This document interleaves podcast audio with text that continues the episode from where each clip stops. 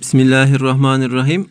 Kıymetli dinleyenlerimiz bir İlmihal Saati programıyla tekrar sizlerle birlikteyiz. Yüce Rabbimizin selamı, rahmeti ve bereketi üzerimize olsun. Efendim sizlerden bize ulaşan soruları değerli e, hocamız Doktor Ahmet Hamdi Yıldırım cevaplandırıyor malumunuz olduğu üzere. Muhterem hocam bir dinleyicimiz uzunca biraz bir soru sormuş, halini e, arz etmiş. Okuyayım. Selamun Aleyküm e, hocam. Ben yaklaşık 6 ay önce birisiyle nişanlandım. Aramızda biraz sıkıntılar oluyordu. Nişanlım maddi konularda biraz sıkıntı yapıyordu. Ben de sorunlarımızı aileme hiç söylemedim. Aramızda bir gün yine tartışma oldu. Bu sefer durumu aileme anlattım. Babam da bu işte ben yokum istemiyorum dedi. Ertesi gün ben annemi arayıp çok kötü durumda olduğumu babamı yumuşatması için konuşmasını rica ettim. Annem sabah babam uyurken yanına gitmiş durumu söyleyince babam o anlık sinirle 3'ten 9'a şart olsun olmaz bu iş demiş. Ve nişanlımın ailesi babamı aramış, özür dilemiş, benim şartım var demiş. Babası yani. Daha sonra anneme onların gözü korksun diye şart ettiğini söylemiş. Nişanlım da çok dindar, temiz bir insan arayıp çok pişman olduğunu belirtti ve yapabileceği şeyler konusunda söz veren bir insandır. Kolay kolay söz vermez. Haram işlerden uzak duran birisi. Hocam bu sebeple ben barışmak istiyorum. Babam istemiyor. Ne yapabilirim bu, bu durumda? 26 yaşındayım. İnsan yaş ilerledikçe evlilik kriterleri artıyor. Ahiretime yardımcı olabilecek bir insan bu. İnsan bu sebeple barışmak istiyorum demiş. Kız mı erkek mi? Bu e, kız bunu soran. Bunu soran kız. Peki. Elhamdülillahi Rabbil Alemin ve salatu ve selamu ala Resulina Muhammedin ve ala alihi ve sahbihi ecmain. Şimdi biraz magazin gibi oldu. Tabii barıştım, görüştüm, gittim, geldim vesaire filan. Ama işin özünde sorulmak istenen şu herhalde. Babam anneme sana şart ediyorum. Bir daha bu mevzuyu bana açarsanız mı diyor, evlenirse mi diyor. Muhtemelen eğer kız evlenirse şartım olsun diyor. Yani seni boşayacağım demek istiyor. Artık o kadar şeyler değişti ki hocam yani anlayışlar şeyler tam neyi kastettiği de anlaşılmıyor doğrusu babasının. Yani bu biraz da şeye benziyor. Ben korkutmak için ateş ettim ama öldü diyor. Yani kafaya sıkarsan ölür. Korkutmak için ateş edeceksen ayağa sıkacaksın. Şimdi buradan hoca cinayetle ilgili teferruat veriyor türünden de olmasın. Binaenaleyh eğer bir insan bir söz söylemişse o sözün bedelini öder. Ağzından bir laf çıkmışsa o lafın bedelini öder. Dolayısıyla ağzımızdan çıkacak laflara dikkat etmemiz gerekiyor. Eğer bir adam hanımını boşamayı bir şarta bağlamışsa, efendim kızım evlenirse seni boşarım demişse, kızı evlendiğinde hanımını boşamış olur. Hocam burada e, hanımıyla ilgili bir mevzu yok. Benim anladığım kadarıyla yani bu iş olmaz. Yani ben kızımı onlara vermem tarzında bir şey sanki. Tamam. Ben kızımı onlara vermem. Eğer verirsem olmayacağını bina ifade etmek için söylüyor. Eğer verirsem seni boşarım. Seni boşadım. Dolayısıyla burada evliliğin gerçekleşmesi durumunda hanımının boşanması söz konusu. Ama bu tür şeylerde ne tür bir ifade kullandığı, efendim kullandığı bu ifade ne kadar evlenmeyi sonlandıracak, boşamayı gerçekleştirecek mahiyettedir. Bununla ilgili yüz yüze bir bilene danışması tercihen bulunduğu bölgenin müftülüğüne gidip müftü efendi ile bu meseleyi görüşmesi ve ondan alacağı cevaba binaen de hareket etmesi gerekir. Bu tür evlilikle ilgili, boşanma ile ilgili genel şeyleri radyomuzdan, ilmihal saatinden, başka programlardan öğrenmek mümkün. Ama kişiye özel bir meselede bu evliliği yapmam doğru mudur, yanlış mıdır? Bu evliliğin şöyle sonuçları olur mu, olmaz mı türünden meselelerle ilgili genel hükümler vermek mümkün olmadığından genel şeyleri söylersiniz ama karşı tarafın yarasına merhem olmazsınız. Burada bu insan bir kararsızlığın içerisine düşmüş. Evlenebilir miyim, evlenemez miyim diye net bir cevap istiyor. Binaenaleyh bu net cevabı uzaktan, gaipten vermek mümkün değil. Çünkü sorulacak şeyler var. Bu kızımızın yapması gereken babasıyla beraber çünkü nihayetinde bu tabiri caizse tırnak içerisinde cinayeti işleyen yani gelişi güzel konuşan söylediği sözün neticesini hesaplamadan lafı eden babası olmuş. Evet. Babasıyla beraber müftü efendiye gidip durumu anlatması lazım. Şunu da unutmamak gerekiyor ki babasının rızası olmadan bir kız çocuğunun, bir erkek çocuğunun bir evlilik yapması doğru bir şey değildir. Annenin babanın rızasını almak gerekiyor. Fakat annenin babanın rızasını almak gerekiyor derken bazen anne baba Allah'ın rızasına aykırı noktalarda bir takım şeyleri mevzu bahis edebiliyorlar, gündem yapabiliyorlar. Mesela damadın boyu kısa. Bundan dolayı ben kızımı damada vermem diye eğer şer'i olmayan, dini olmayan bir gerekçeden dolayı yapıyorsa ve karşı tarafın dini diyaneti bütünse o zaman Allah'ın rızasıyla babanın rızası arasında bir çelişki var demektir. Elbette yine babanın gönlünü yapmaya çalışmak, onu razı etmeye gayret etmek gerekir. Ama çocuk namaz kılmıyor, baba istemiyor.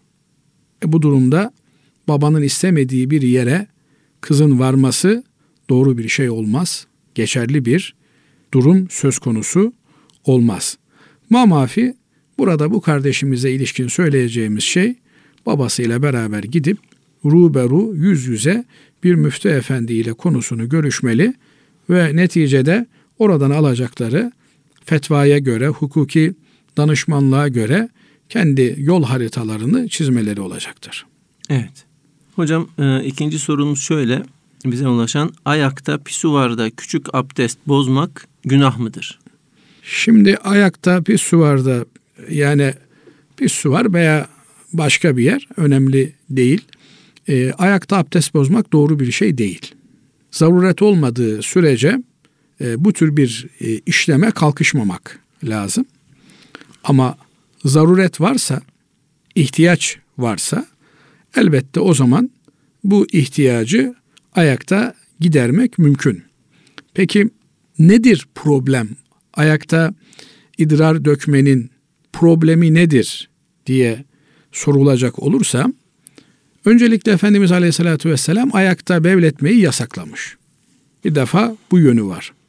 İkincisi ayakta bu işlem yapıldığında idrarın çamaşıra bulaşması, elbiseye bulaşması ihtimali yüksek. Bu yönüyle de idrar bir necaset olduğu için, bir pislik olduğu için o elbiseyle namaz kılmak doğru değil. Geçerli bir namaz olmuş olmaz. Elbisenin değişmesi lazım. E bir Müslüman günde beş defa namazla muhatap olduğu için her daim temiz olması gerekiyor. Buradaki temizden maksat şer'i anlamda, dini anlamda temiz olması gerekiyor. Bazen burada şöyle bir yanlış anlaşılma da olabiliyor. Yani dinimiz belli maddeleri pis kabul etmiş ve bunların namaz kılınacak yerde, bedenimizde veya elbisemizde bulunması durumunda namazın geçersiz olması gibi bir durum söz konusu oluyor. Ama bazen dinen pis kabul edilmese de insanlar arasında pis olarak bilinen, efendim kerih görülen, insanları rahatsız eden e, şeylerin de bir Müslümanın üzerinde bulunması doğru değil. Fakat adam işte dericilik mesleğiyle meşgul. Efendim deri tabaklama işiyle meşgul. Elbette o işin bir kokusu var. Ama namaz kılacak. Böyle bir durumda tek başına namaz kılmayı tercih edecek veya aynı e, meslektaşlarıyla beraber namaz kılmayı tercih edecek. Dolayısıyla bu vaziyette cemaate katılacak olursa cemaat ciddi rahatsızlık duyacak. Belki de adam namazını bozmak zorunda kalacak. Nitekim bazı kimseler çok hassas olabiliyor. Bir takım kokular karşısında midesi hemen bulunabiliyor. Efendimiz Aleyhisselatü Vesselam da e, soğan sarımsak yiyen kimseler cemaatimize yaklaşmasın malinde bir hadisi şerifleri bulunmaktadır. Binaenaleyh buradaki temel nokta namaz söz konusu olduğunda eğer bireysel olarak kılıyorsak şeriatımızın yasaklamış olduğu, pis olarak kabul etmiş olduğu necasetten uzak durmamız, eğer cemaatle namaz kılıyorsak buna ilaveten insanları da rahatsız edecek pis ve necis şeylerden uzak durmamız gerekiyor. Bazen pis olmayabilir kaynağı. Mesela soğan sarımsak pis değil, helal, çok faydalı gıdalar. Ama meydana gelen koku insanları rahatsız edeceğinden insanlar pis bir koku geliyor diyorlar. Bu yönüyle de mesela adam sigara kokuyor. E, hakikaten insan e, safta eğer öyle birinin yanında kazara namaza duracak olsa ya şu namaz bir an önce bitsin de bu işkence sonlansın diye içinden geçiriyor. Dolayısıyla temel nokta pisliğin üzerimize sıçraması. Bir diğer mesele de ayaktayken nasıl yıkayacak bu insan? Yani su dekse su üstüne başına sıçrayacak. Binaenaleyh doğru olan tarafı insan idrar ihtiyacını gidermesi gerekiyorsa çömelecek ve çömeldiği yerde idrarını giderecek. Ama dizleri ağrıyor, çömelemiyor. Yolculuğa çıkmış, e, oturabileceği kendine uygun işte alafranga dedikleri bir taş da bulamamış. Dolayısıyla ne yapacak bu insan? Çömelemiyor, dizleri müthiş ızdırap veriyor ona. Tamam burada zaruret var, ihtiyaç var. Bu adam ayakta ihtiyacını görebilir.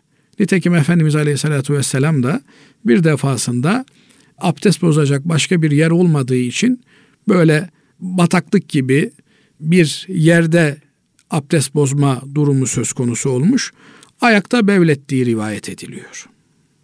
Ki onun da hikmeti Allahu alem ümmetine bir kolaylık olsun diye. Eğer böyle bir zaruret durumu yoksa bir kimsenin ayakta bevletmesi doğru bir şey değil. Ee, her şeyden önce Müslümanca bir davranış değil. Müslüman temizliğine dikkat eden insan demektir.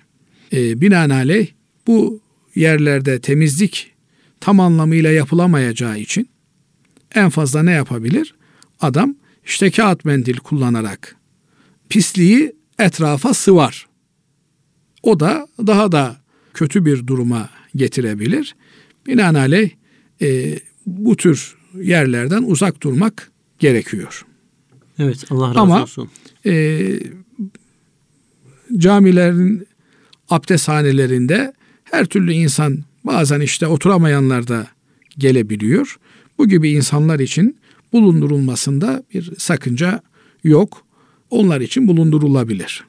Evet. Doğum günü kutlamak e, yine günah mıdır diye sorulmuş. Hep yani e, günah mı sevap mı böyle bir şey insanımızın merakı. Hani şunu yapıyorum acaba günah mı diye merak ediyor. Şimdi doğum günü kutlamak günah değil. Aksine makbul bir şey. Nitekim İsa aleyhisselam ve selamu aleyye yevme bulittu ayeti kerime e, doğduğum güne e, doğduğum günde bana selam olsun diyor. Nitekim Efendimiz Aleyhisselatü Vesselam'ın doğum gününü kutluyoruz. Bugün bir yaşınıza daha bastınız Allah mübarek etsin demekte bir sakınca yok. Fakat alimlerimizin doğum günü kutlamasını yasaklamalarının günah olarak görmelerinin arkasında doğum günüyle beraber yapılan yasak şeyler gelmekte. Genelde bizim kültürümüzde, adetimizde doğum günü kutlamak diye bir şey söz konusu değil. Ancak çok önemli insanların doğum günleri kutlamaya değer bulunmuştu. Efendimiz Aleyhisselatü Vesselam'ın doğduğu gün. Niye? İnsanlığın kurtarıcısı. Yani hakikaten onun doğduğu gün kainatta büyük değişiklikler olmuş. Fakat benim doğum günüm, senin doğum günün o kadar da mühim bir hadise değil. Ama Birine işte bugün doğmuşsunuz Allah mübarek etsin demekte bir sakınca yok. Fakat onu böyle olmazsa olmaz bir zorunluluk gibi görüp efendim o günde Allah'ın yasak ettiği şeylerin yapılması bunlar yanlış şeyler. Dolayısıyla doğum günü kutlamanın bu anlamda söylediğimiz anlamda bir sakıncası yok. Fakat doğum günüyle beraber eğer bir yanlışlar zinciri söz konusu oluyorsa o zaman elbette onların kendisi yanlış olur. Hocam yanlışlar zinciri derken bunu biraz açalım. Mesela yani normal e, bir vasat bir aile mesela ne yapıyor? Bir pasta yanında da gazlı içecek veyahut da gazsız içecek mesela ikram ediyor. Diyelim bu caiz midir? Yani bir e, doğum günü münasebetiyle kolu komşuyu davet edip evet. onlara yemek ikram etmekte bir sakınca yok. Yemek ikram etmenin kendisi bizatihi faziletli bir husustur. Ama doğum günü yemeği diye bir yemek bizim adetimizde, geleneğimizde, göreneğimizde, dini naslarımızda yok. Bunu bir sünnet, bir müstehap, bir dini vecibe olarak görmedikten sonra bir sakınca yok. Fakat işin sıkıntılı olan tarafı şu. Yani adam kıt kanaat ekmek buluyor yemeye. Yani adettir işte yapmasam kolu komşu ne der türünden bir baskıyla işte çocukları toplayalım, pasta yapalım, mum yakalım, mumlara üfleyelim. E, bu tür şeylere zorlayarak yapması bunlar doğru şeyler değil. Zorla yapılan her türlü yemek yedirme faaliyeti yasak olarak değerlendirilmiş. Yani yemek yedirmenin bir adabı var. O adaba riayet edilmezse zaman içerisinde artık insanlar yemek yedirmeyi külfet olarak görmeye başlarlar ve bir müddet sonra işte bugün başımıza geldiği şekliyle kimse kimseyi davet etmez hale gelir. Bugün bir yere gidebilmek için en azından İstanbul muhiti için böyle 3-5 gün önceden haber vermek lazım. Öyle geçiyordum uğradım şeklinde hafazan Allah bir yere gitmek adeta imkansız hale geldi. Halbuki yemek yedirmekten maksat sofranda olanı bir e, yolcuyla, bir misafirle paylaşmak demektir. Bu da olanı ikram etmektir. Etraftan sağdan soldan bir şeyler toparlayarak efendim misafir geliyor diye sanki 40 yıllık kıtlığa girecekmiş gibi market alışverişi yaparak misafire ikram etmek değildir. Bu yönüyle eğer bir şeye dönüşüyorsa bu da doğru bir şey değil. Zahmete. Zahmete. Bana zahmet gelmiyor ama benim çağırdığım insanlarda da işte bak biz onu doğum gününe çağırdık o bizi çağırmadı. Yani bu tür zincirleme hatalar peş peşe geleceği için bu doğru olarak görülmemiş. Şimdi evet. mesela e, doğum günü münasebetiyle hediyeleşme. E ben ona hediye verdim o bana hediye vermedi. Yani artık hediyeleşme de bir e, şey ilişkisi içerisine girdi. Karşılık ilişkisi içerisine girdi. Evet. evet hediyeleşmek güzel bir şey. Sen bir hediye alıyorsan senin de bir hediye vermen güzel bir şey. Ama bunu bir e, zorunluluk olarak görmek. Bulamıyorsan en büyük hediye Allah razı olsun demek. Evet. Yani Allah'ın rızasından büyük hediye var mı? Yok. Yok. Ama öyle olmuyor işte. İnsan illa bir şey ve çorap bekliyor, bir mendil bekliyor, bir bilmem ne bekliyor. Bu tür bir alışverişin içerisine bunları sokmak doğru bir şey değil. Evet. Hocam bir sonraki sorumuz e, şu şekilde. Evli bir kadın ne kadar sıklıkla anne ve babasını ziyarete gidebilir? Kocası izin verdiği sürece her gün gidebilir. Annesinin babasının yanından çıkmaya da bilir. Ama kocası izin vermiyorsa bu durumda kitaplarımız diyor ki olmazsa olmaz ziyaret bayramlarda anne babayı ziyarettir. Bir de tabi işin şöyle bir durumu var. Bu meseleye de mutlak olarak bakmak mümkün değil. Anne baba Trabzon'da, e, siz İstanbul'dasınız. Eğer asgari ücretle geçinen biri ise, evet. Beyefendi, tamam göndereyim seni annenin babanın yanına ben de götüreyim seni ama e, imkan yok. Nasıl olacak? Dolayısıyla imkan varken göndermemezlik yapmak bir vebal, bir günah. Ama imkan yoksa bunu da işte benim e, hakkım senede iki ikramiye gibi işte bugün işte bayram e, münasebetiyle senede iki ikramiye işçiler, emekliler hükümetten talep ediyorlar. Böyle bir hak söz konusu değil. Evet, bayramdan bayrama ziyaret etmek asgari düzeyde gerekiyor. Ama imkan varsa bu gerekiyor. İkinci bir mesele de şimdi imkan meselesi deyince burada evlilik nafakası meselesi de gündeme geliyor. Yani bir koca evin reisi, dinimize göre koca evin reisidir, erkek evin reisidir. Evet, yaşamış bulunduğumuz ülkenin mevzuatı evlilikte eşleri eşit görebilir. Ama Allah'a ve ahiret gününe iman eden Müslüman kadınlar, Müslüman erkekler evlilikte evin reisinin erkek olduğunu bilirler. Ama birinin Allah'a itirazı var, ahiret gününe itirazı varsa o kendisini dünyanın kralı olarak da görebilir. Şimdi evlilik müessesesi içerisinde evde hanımın, çocukların yemesi, içmesi, giyimi, kuşamı, eğitim, sağlık gibi masrafları evin reisine kocaya aittir. Fakat gezme tozma, senede bir ay tatile gitme, efendim e, gibi masraflar evet evin reisinin imkanı varsa makul içer, ölçüler içerisinde bunları yapabilir.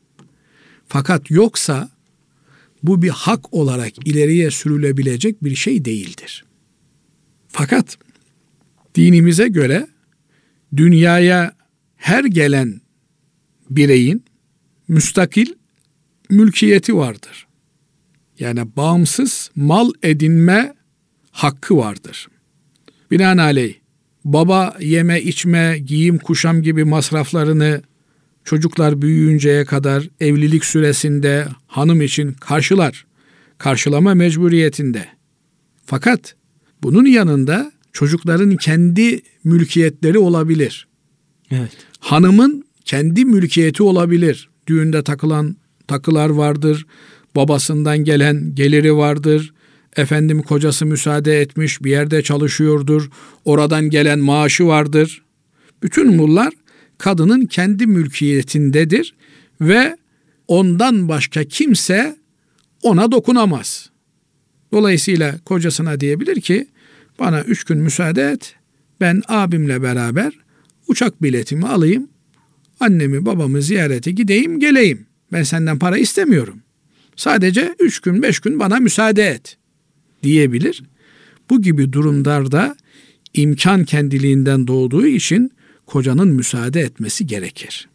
Fakat bütün bunları detay detay işlemeye, konuşmaya gerek olmadan Kur'an-ı Kerim'deki şu ayeti kerime temel ölçüyü bize veriyor. Ve aşiruhunne bil maruf. Maruf yani örfen tanınan, bilinen yaşadığınız bölgenin, muhitin, sizin sosyal statünüzün, çevrenizin, mahallenizin kültürü neyse ona göre eşlerinize muamele ediniz diyor. Yani eğer sizin içinde bulunduğunuz sosyoekonomik durum ayda bir hanımların anne babalarını ziyaretini gerektiriyorsa ayda bir. Efendim şunun şurasında siz İstanbul'da oturuyorsunuz da eşinizin annesi babası Çorum'da oturuyor, Çorlu'da oturuyor. E ayda bir, iki ayda bir gidiliyor bu yakınlıktaki bir yere, iki ayda bir götürürsünüz. Burada asıl olan eşlerin karşılıklı olarak birbirlerinin anne babalarını anne baba olarak görmeleri ve kendi anne babalarına yaptıkları saygıyı, hürmeti eşlerinin anne babalarına yapmayı da ihmal etmemeleridir. Böyle olunca da imkan nispetinde aile birliğini de bozmayacak şekilde şimdi iki gün ben ayrık oluyorum evde ufak kız isyan ediyor. Baba bir daha gitmeyeceksin diyor. E kızım diyorum buradayken de hiç yanıma gelmiyorsun diyorum. Madem beni çok seviyorsun, çok özlüyorsun o zaman hiç yanımdan ayrılma. Yok diyor ben sen olmayınca diyor rahat edemiyorum. Yani demek ki annenin de babanın da çocuklarıyla beraber olmaları gerekiyor. Ama elbette biz de birilerinin evladıyız. Yani biz nasıl evlatlarımıza karşı muhabbet besliyorsak anne babalarımız da bize karşı muhabbet besliyorlar. Bu dengeyi bozmadan götürmek gerekiyor. Bu yönüyle de annesini babasını ziyarete gidecek olan eşine yardımcı olan kimse sılayı rahim ibadetini yapmış gibi kendisi de sevap kazanır. Bunu evet. da unutmamak lazım. Yani birinin efendim anne babasını ziyaretine yardımcı oluyorsunuz. Mesela diyelim ki İstanbul'da oturuyor bir delikanlı öğrenci memleketine gidecek ama annesini babasını özlemiş memleketine gidecek ama imkanı yok. Siz de bunu gördünüz. Evladım ne kadar memlekete gideceksin geleceksin işte al otobüs biletini al uçak biletini git anneni gör gel. Değil mi? Kendi annenizi babanızı görmüş gibi sevap kazanırsınız. O kadıncağızı mutlu etmenin sevabını kazanırsınız. E kaldı ki kendi hanımınızı, kendi torunlarınızı bazen öyle oluyor Basri hocam adam veya kadın çocuklarını dedeye neneye göstermiyor. Olmaz diyor. O bana şöyle yaptı, bu bana böyle yaptı. Allah muhafaza etsin. Evet. Bunlar indallah çok sorumluluk doğuracak şeyler. Cenab-ı Allah e, hayırlısını e, lütfetsin. Anne babanın hayattayken gönlünü hoş etmek, onların rızalarını almak lazım. Kıymetli dinleyenlerimiz, İlmihal Saati programımıza kaldığımız yerden devam ediyoruz. Muhterem hocam, evimi satın alacak kişi kredi kullanırsa bunun bana vebali olur mu? Cenab-ı Allah Kur'an-ı Kerim'inde Estağfirullah ve la taavenu alel ismi vel udvan buyuruyor. Yani günah ve azgınlık hususunda birbirinizle işbirliğine girmeyin. Yardımlaşmayın buyuruyor. Binaenaleyh eğer siz faiz kullanacak, Allah'a karşı savaş ilan etmiş, peygamberine karşı savaş ilan etmiş birine yardım ve yatakçılık yaparsanız bunun sorumluluğunu üzerinize almış olursunuz. Siz de aynı günaha ortak olursunuz. Fakat siz evinizi satıyorsunuz. Parayı getirdi adam verdi. Sizin onunla herhangi bir işbirliğiniz olmadı. Ona bir yol göstericiliğiniz olmadı. Kolaylaştırıcı bir eğiliminiz, eyleminiz olmadı. Bundan siz sorumlu olmazsınız inşallah. Fakat banka ile anlaşır, kendiniz oraya yönlendirir, efendim ilana çıkarken de banka kredisi almaya uygundur diye yol gösterici bir yaklaşımda bulunmuşsanız bu durumda elbette bunun sorumluluğunu üzerinize almış olursunuz.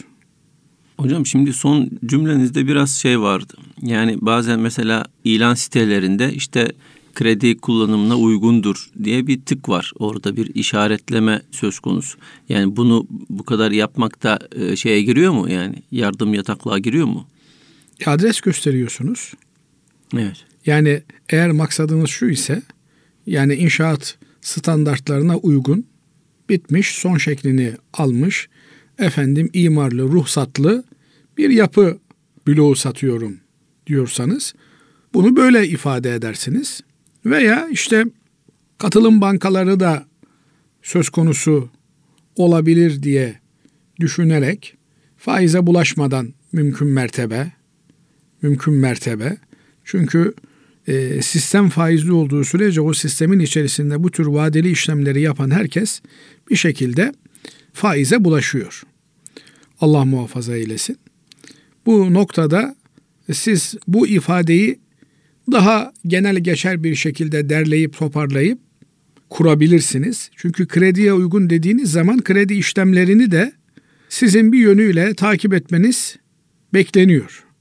Mümkün mertebe Müslüman banka ve bankanın semtinden uzak durmaya çalışmalı. Evet.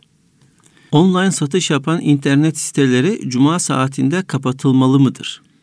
Cuma saatinde yasak olan şey Cuma'ya gitmeye mani olan eylemlerdir. Binaenaleyh siz Cuma ezanı okunmuş camiye gitmeniz, namaza katılmanız gerekirken Oturuyorsunuz. Pimpon oynuyorsunuz. Alışveriş yapıyorsunuz. Efendim gazete okuyorsunuz. Şunu yapıyorsunuz, bunu yapıyorsunuz. Bunların hepsi yasaktır. Yani bu çok önemli hocam. Yani e, genel böyle sanki bir alışveriş, bir ticaret sanki bu yasakmış gibi Ha yani dükkanı kapatayım içeride oturayım. Değil. Evet. Ha şu da var tabii. Yani bu dönemde kazandığınız ticaret yaparken kazandığınız paranın da e, helalliği sıkıntılı hale gelir. Niye? E, çünkü o size la teşbih haramdan gelmiş bir para gibi olur. Yani siz vazifeniz neydi? Hocam, Cuma namazını kılmak. Sistemi kurmuşsunuz. Sistemi kurmuşsunuz. Her şey otomatik bilgisayarlı bir sistem artık. Yani siz cumaya gidiyorsunuz. Yani falanca kişi oradan bir alışveriş yapmasının bunda ne sakıncası olabilir? Yani sayın hocam eğer cuma saatinde bir kimse alışveriş yapıyorsa bu yaptığı alışveriş cumaya gitmeme günahıyla beraber değerlendirileceği için kazandığı para da sıkıntılı hale gelir. Şimdi cuma mükellefi olan sadece dükkanın sahibi mi? Hayır. Değil. Müşteriler de cuma mükellefi olabilirler. Fakat cuma mükellefi, cuma namazını kılmak üzerine farz olmayan bir kimse. Evet, hanım mesela diyelim, kadınlar. Kadın mesela. Cuma namazı üzerine farz olmayan bir kimse yine cuma namazı üzerine farz olmayan bir kimse ile ticari alışverişte bulunsa bunun bir sakıncası yok. Yani diyelim ki bir manifatura dükkanı var. Efendim e, bir kumaşçı var. Kadın işletiyor. Kadınlar da gitmişler oradan cuma saatinde alışveriş yapıyorlar. Bunda bir sakınca yok. Evet gönül el verir ki yani madem çarşıya pazara çıkıyorsun git camide cumayı kıl. Evet sana farz değil ama kıldığında da niye kıldın demiyor sana kimse. Evet. Eğer uygun bir yer imkan varsa yani erkeklerle itişip kakışmadan camiye ayrı bir kapıdan giriyor. Ayrı bir kapıdan çıkıyorsan sıkıntı yok. Çarşıda pazarda arzı endam edeceğine otur camide Kur'an oku, zikir çek, vaaz dinle, sohbet dinle. Ne güzel. Evet. Ama şimdi gelelim kardeşimizin sorusuna. Online alışveriş sitesinden. Online evet hocam. Ben bir e, site kurdum. E, buradan İstanbul'daki de alışveriş yapıyor. Trabzon'daki de alışveriş yapıyor. Evet. Efendim İstanbul'da cuma saati 1'i 20 geçe diyelim. Trabzon'da 1'e 20 kala. Dolayısıyla ben cuma saati hadi kitleyeyim bunu. Hangi birine göre kitleyeceğim? Amerika'da farklı, Japonya'da farklı dünyanın her tarafından alışveriş yapıyorlar. Dolayısıyla bu tür e, online olarak yani üzerinde bir insan vasıtasıyla çalışmayan platformlarda cuma saatinde alışveriş yapılabilir. Burada online alışveriş sitesini işleten kimse kendisi ve çalışanları cuma namazına gidiyorlarsa yükümlü olan, evet. mükellef olanlar cuma namazına gidiyorlarsa problem yok. Evet. Ha, alışveriş yapan biri cuma saatinde efendim Berlin'den alışveriş yapmış. Yani Berlin'deki cuma saatinde Berlin'den alışveriş yapmış. Evet. O onun günahıdır artık. Tabii. Yani ona e, müdahale edebilme imkanı yok. Dolayısıyla bu tür online işlemlerde kişi öngörebildiği ve kontrol edebildiği kadarıyla mükelleftir. Onun haricindekilerle sorumlu olmaz. Evet. Allah razı olsun. Diğer bir sorumuz şöyle. Borcu geri öderken paranın değer kaybı niye göre hesaplanır? Bir defa şunu öncelikle ifade etmek lazım. Borç alırken eğer karda hasen dediğimiz karşılıksız bir borçsa yani elma aldın, armut aldın, araba aldın, daire aldın da borçlandın değil. Yani bu tür ticari borçlar haricinde karşılıksız ya paraya çok sıkıştım Basri hocam bana bir 5 bin lira verir misin? Türünden borçlanmalarda eğer 2-3 gün içerisinde alver yapılacaksa problem yok. Evet. Ama uzun vadeli yapılacaksa bu borçlanmaları aşırı değer kaybı taşıyan para birimleri üzerinden yapmak doğru değildir. Hocam mesela uzun vadeli tabirinin kavramının diyelim sizin yani e, minimum ne olabilir? Bir yıl mı mesela nedir? Şimdi uzun vadeli veya kısa vadeli Evet. ifadesi alınan meblağa göre de değişebilir. E, meblağı alan ve verene göre de değişebilir. Kişiye göre de değişebilir. Söz gelimi Basri Hocam iki günlüğüne bir borç emanet alabilir miyim sizden? 2, 3, bir hafta, bir ay yerine göre kısa vadeli borçlanmalardır. Evet. Ama bir ayı geçiyorsa bunlar orta vadeli borçlanmalara girerler. Bir de ya ne zaman bulursam o zaman öderim türünden bir borçlanma var. Borçlanma demişken borç alma, verme meselesi bir emanet ilişkisidir başlangıcı itibarıyla. Yani Basri hocam telefonunuzu alıp kullanabilir miyim? Bana ödünç olarak telefonunuzu verebilir misiniz? Aldım telefonunuzu. Bir gün oldu, iki gün oldu getirmiyorum. Siz ne yaparsınız? E, şu aldığın emaneti geri ver dersiniz. Niye?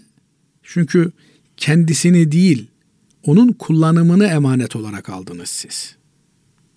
İstediğiniz zaman telefonunuzu geri talep edebilirsiniz.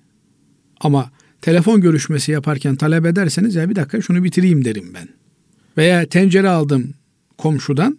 Tencerede yemek varken, pişmemişken ya onu dökeyim de tencereyi yıkayıp vereyim olmaz. Ya bir yarım saat müsaade et, yemek pişsin denir. Evet. Para borç verildiğinde de borç veren kimse istediği zaman parayı geri isteyebilir. Ya iki saat oldu vereli. Vallahi öyle de acil benim de ihtiyacım çıktı. Eğer sana verdiğim para sende duruyor ise, henüz kullanmamış isen, cebinde ise geri istiyorum. Evet. Bundan daha tabii, daha doğal bir şey olamaz. Yani borç alan kimse, kardeşim ben bunu ihtiyacımı görmek için almıştım, ben geri veremem diyemez. Niye? Burada ticaret yapmıyoruz. Ben bir iyilik olarak cebimde param vardı, ihtiyacım yoktu, ihtiyacını görmen için sana verdim. O arada benim ihtiyacım çıktı, ben bunu senden geri isteme hakkına her zaman sahibim. Evet. Efendim ben ama bak başlangıçta iki ay sonra vereceğim demiştim. Onlar işin normal seyrinde bir zamanlama meselesi olarak kalır. Benim açımdan da problem yoktu ama acil bir şey çıktı. Yani işin aslına taalluk etmiyor. Evet araba arıza yaptı. E ben sana şimdi paramı verdim iki ay sende hapis mi kalacak bu para? İki ay ben bekleyecek miyim? Arabayı tamir etmek için sana verdiğim borcu geri alacağım. Böyle bir şey olmaz. Ama ne var? Basri hocam Allah razı olsun imdadıma yetiştiniz. Ben ihtiyacımı gördüm. O parayı kullandım, tükettim. Ben inşallah kolu komşudan yine eşten dosttan bir an önce tedarik edip size bulup buluşturup vereyim derim. Ya adam da yani gelip canımı alacak hali yok. Evet. Niye? Adı üstünde ihtiyacım olduğu için ben o borcu almıştım. İhtiyacıma kullandım ve elimde param yok. Olmayan bir şeyi nasıl verebilirim? Bu durumda ne yapmam lazım? Güzel bir şekilde beramımı ifade edip bana biraz müsaade edin. İnşallah eşten dosttan bulayım. Gittim ona müracaat ettim, buna müracaat ettim. Bulamadım. Valla Basri abi çok özür dilerim ama bulamadım. Ben bakmaya devam ediyorum. Hakkını helal et, bana biraz müsaade et denir. Evet. Fakat ben iki sene demiştim, üç sene demiştim, beş sene demiştim diye kardı hasen dediğimiz karşılıksız borçlanmalarda bir zaman söz konusu olmaz. Fakat ben Basri hocamdan 2000 lira borç aldım. Basri hocamın da o 2000 liraya ihtiyacı yok. Onu sık boğaz edip de benden talep etmesi doğru bir şey değil. Benim de 2000 lirayı bulup buluşturduğum an götürüp Basri hocama bu parayı vermem lazım. Bir gün dahi bekletirsem zalim olurum. Lanete uğrarım. Şimdi bakıyorsunuz adam borç almış. Efendim mevduata koymuş. Oradan 3 lira 5 lira gelecek de mevduat ne zaman zamanı dolarsa o zaman ödeyecekmiş. İyi de kardeşim sen kimin parasını mevduata koydun? Sen mevduata para koymak ihtiyaç mı? İhtiyacın var diye bunu almıştın. Ama senin ihtiyacın yok diye düşündüm. Ya sen benim adıma benim ihtiyacım var mı yok mu düşünme yetkisini kimden aldın? Dolayısıyla borçlanmada uzun vade diye bir şey yok. Ne zaman parayı bulursanız borcunuzu ödeyeceksiniz. Borçlu olduğunuz süre içerisinde asgari standartların dışında bir harcama yapmanız da caiz değil. Şimdi adama 5 bin lira borcun var. E almış başını tatile gitmişsin. 5 bin liraya denizin kenarında sefa yapıyorsun. Caiz olmaz. Bu kul hakkına girmek olur. Ama ben ona söylemiştim iki ay sonra sana vereceğim diye. Ya bunlar usulen söylenen şeylerdir. Sen demir aldın, çimento aldın da iki ay vade mi yaptın? Borç almanın vadesi olmaz. Borç ihtiyaç için alınır. Ne zaman para ele geçerse o gün ödenir. Ödeninceye kadar hayat standartları asgaride tutulur. Bakın bunu buradan bir daha evet. söylüyorum. Borcunuz varken ticari borçlardan bahsetmiyorum. Yani karşılığı olan borçlardan bahsetmiyorum. Birinden hatır icabı borç almışsınız. O borcunuz varken turfanda meyve yiyemezsiniz. Asgari standartlarda yaşar, borcunuzu ödersiniz. Ama şöyle uzun vadeli olabiliyor bazen. İşte ben maaşla çalışan bir adamım. Aylık gelirim belli. Ev almışım. Gelmiş demişim ki Basri hocam eğer imkanınız varsa ben bir ev aldım, borçlandım. Sizden borç istiyorum ama yani aldığım maaş da belli. Ödeme planımı yaptığımda böyle hemen bir ayda iki ayda size ödeyebilme imkanım yok. Evet. Dolayısıyla bana böyle toleranslı borç verebilecekseniz verin. Siz de verdiniz. İki ay sonra sizin acil bir ihtiyacınız çıktı. Yine müracaat edersiniz. Dersiniz ki Ahmet abi yani kusura bakma ama böyle de bir ihtiyacım benim hasıl oldu. O zaman ben de derim ki hay hay Basri hocam e bir bakayım Ahmet'e, Mehmet'e, Hasan'a, Hüseyin'e müracaat edeyim. İnşallah onlardan bir şey tedarik eder size veririm. Bu ahlak, bu edep kaybolduğu için evet. Kimse kimseye borç vermez hale geldi. Niye? Ya ben kıt kanaat yaşıyorum. Kenara bir akakça kara gün içindir diye 3 lira 5 lira ayırdım. Adama borç veriyorum. Bakıyorum ki adam aldığı borç da 2018 model arabasını 2019 model yapıyor. E ben avanak mıydım ben de yapardım onu. Şimdi bu tür eğer uzun vadeli bir borçlanma söz konusu olacaksa evet. bu borçlanmaların değer kaybı yaşamayacağı meblalar üzerinden yapılması lazım. Yani yani nedir hocam? Yani altın üzerinden yapılması lazım. Kardeşim ben senden 100 gram altın alayım. Ben sana 100 gram altın olarak bunu sonra geri öderim. Veya işte ben kardeşim bende para var. Müsaade et abi senin paranı sana vekaleten gideyim altın yapayım. Ondan sonra getireyim sana teslim edeyim. Sen bana altın olarak ver onu. Ben yine altın olarak onu sana iade edeyim demek lazım. Evet. Fakat şöyle de bir durum var. Şimdi bazen adam hakikaten 3 liranın 5 liranın hesabını kitabını yapmayacak kadar çok zengin. Karşıdaki adama da rencide etmeden yardım etmek istiyor. O da biliyor. Tüccar adam. Bilmez mi? Bugün verdiği 100 liranın bir sene sonra 100 lira olmadığını bilir. Ama bir ikram olsun diye diyor ki kardeşim yok ben sana 100 bin lira veriyorum. Sen ne zaman imkanın olursa 3 sene sonra olur 5 sene sonra olur. Allah o sana verdiğim paraya beni muhtaç etmesin. Muhtaç olursam yarım saat sonra da isterim. Ama ben muhtaç olmadığım sürece önemli değil. Niye böyle yapıyor? Versin sadaka. Bir, karşı tarafı rencide etmek istemiyor. Borç ilişkisi denkler arasında yapılan bir ilişkidir. Evet. Ama sadaka ilişkisi fakirin zengine bir ihtiyacı gibi görünür. İkincisi borç vermek sadaka vermeye göre kat be kat daha faziletlidir. Niye? Sadakayı verirsin, 3 lirayı verdin kurtarırsın. Ama borç verdin mi borç verdiğinde şöyle düşünelim. E, arabayı birine sattın. Paranı alırsın veya hibe ettin. Arabayı birine hibe ettin. Tamam araba aklından çıktı artık. Evet. Ama eğer borç vermişsen, emanet vermişsen her sene vergisini ödersin. Bakım zamanı bakımını yaptırırsın. Evet. Lastiği patlar lastiğini Senindir yani. yaptırırsın. Yani. arabanın külfeti sende, nimeti emanet verdiğin kişidedir. Evet. Dolayısıyla borç vermek demek paranın külfeti sende, nimeti borç verdiğin kimsededir. Bu yönüyle borç vermek faziletlidir. Çok sevaptır. Binaenaleyh bir kimse eğer böyle bir durumda ise öncelikli olarak para kaybı yaşamayacağı ve yaşamayacağını öngördüğü aksi de olabilir. Yani bugün mesela e, altının gramı 256 lira. E memlekette ekonomi düzelir. Yarın 100 liraya düşer. Olur mu? Olabilir. Olur yani bunun şeyi yok. Evet. İnşallah dua edelim ki memleketin ekonomisi, iktisadı İnşallah. düzelsin. Bütün insanlar e, rahat yaşayabilecekleri, kimsenin kimseye muhtaç olmadığı bir hale gelelim. Ama öyle değil de garibanlık döneminde Basri hocamdan 50 bin lira borç almışım. Aradan 3 sene 5 sene geçmiş. E bugün ben ona götüreceğim 50 bin lirayı vereceğim ama o günün 50 bin lirasıyla bugünün 50 bin lirası ciddi bir arada fark oluşmuş.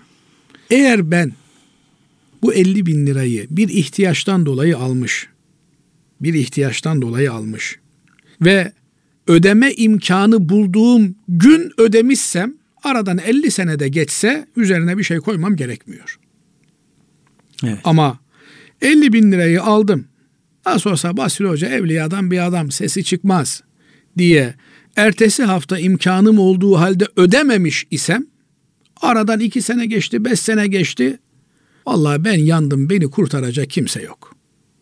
Aradan ödeme imkanı olduğu halde ödemediğim her gün için cayır cayır yakarlar adamı. Hiç bunun lamıcımı yok. Onun için ben 3 lira mı fazla versem kurtarırım, 5 lira mı fazla versem kurtarırım. Valla ne verirsen ver artık. Ancak geçersin dersin ki Basri hocam dürüstçe söyleyeyim.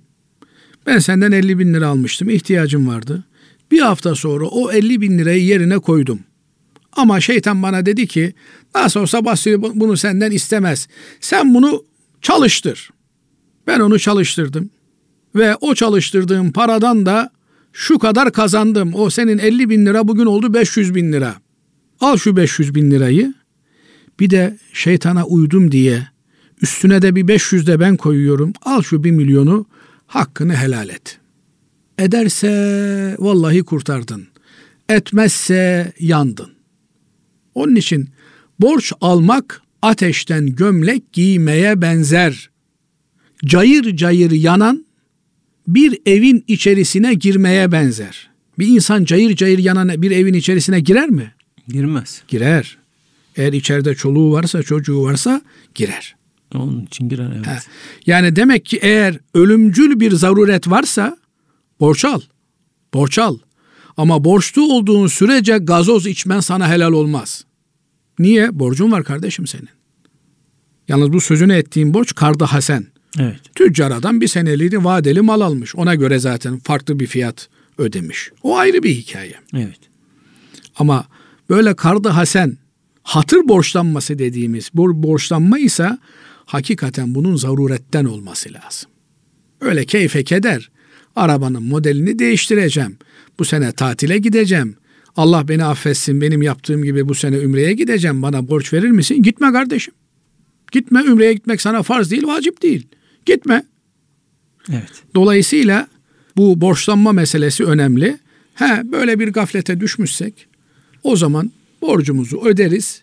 Onun üstüne de tercihen bir iki gün sonra onu telafi edebilecek bir hediyeyi beraberinde götürmek imkan varsa uygundur, yerindedir. Bu borç meselesi hakikaten üzerinde çok konuşulması gereken bir mesele ama bugünlük bununla iktifa edelim inşallah. Allah razı olsun hocam. Teşekkür ederiz. Kıymetli dinleyenlerimiz bir İlmihal Saati programının daha sonuna erdik. Hepinizi Allah'a emanet ediyoruz efendim. Hoşçakalın.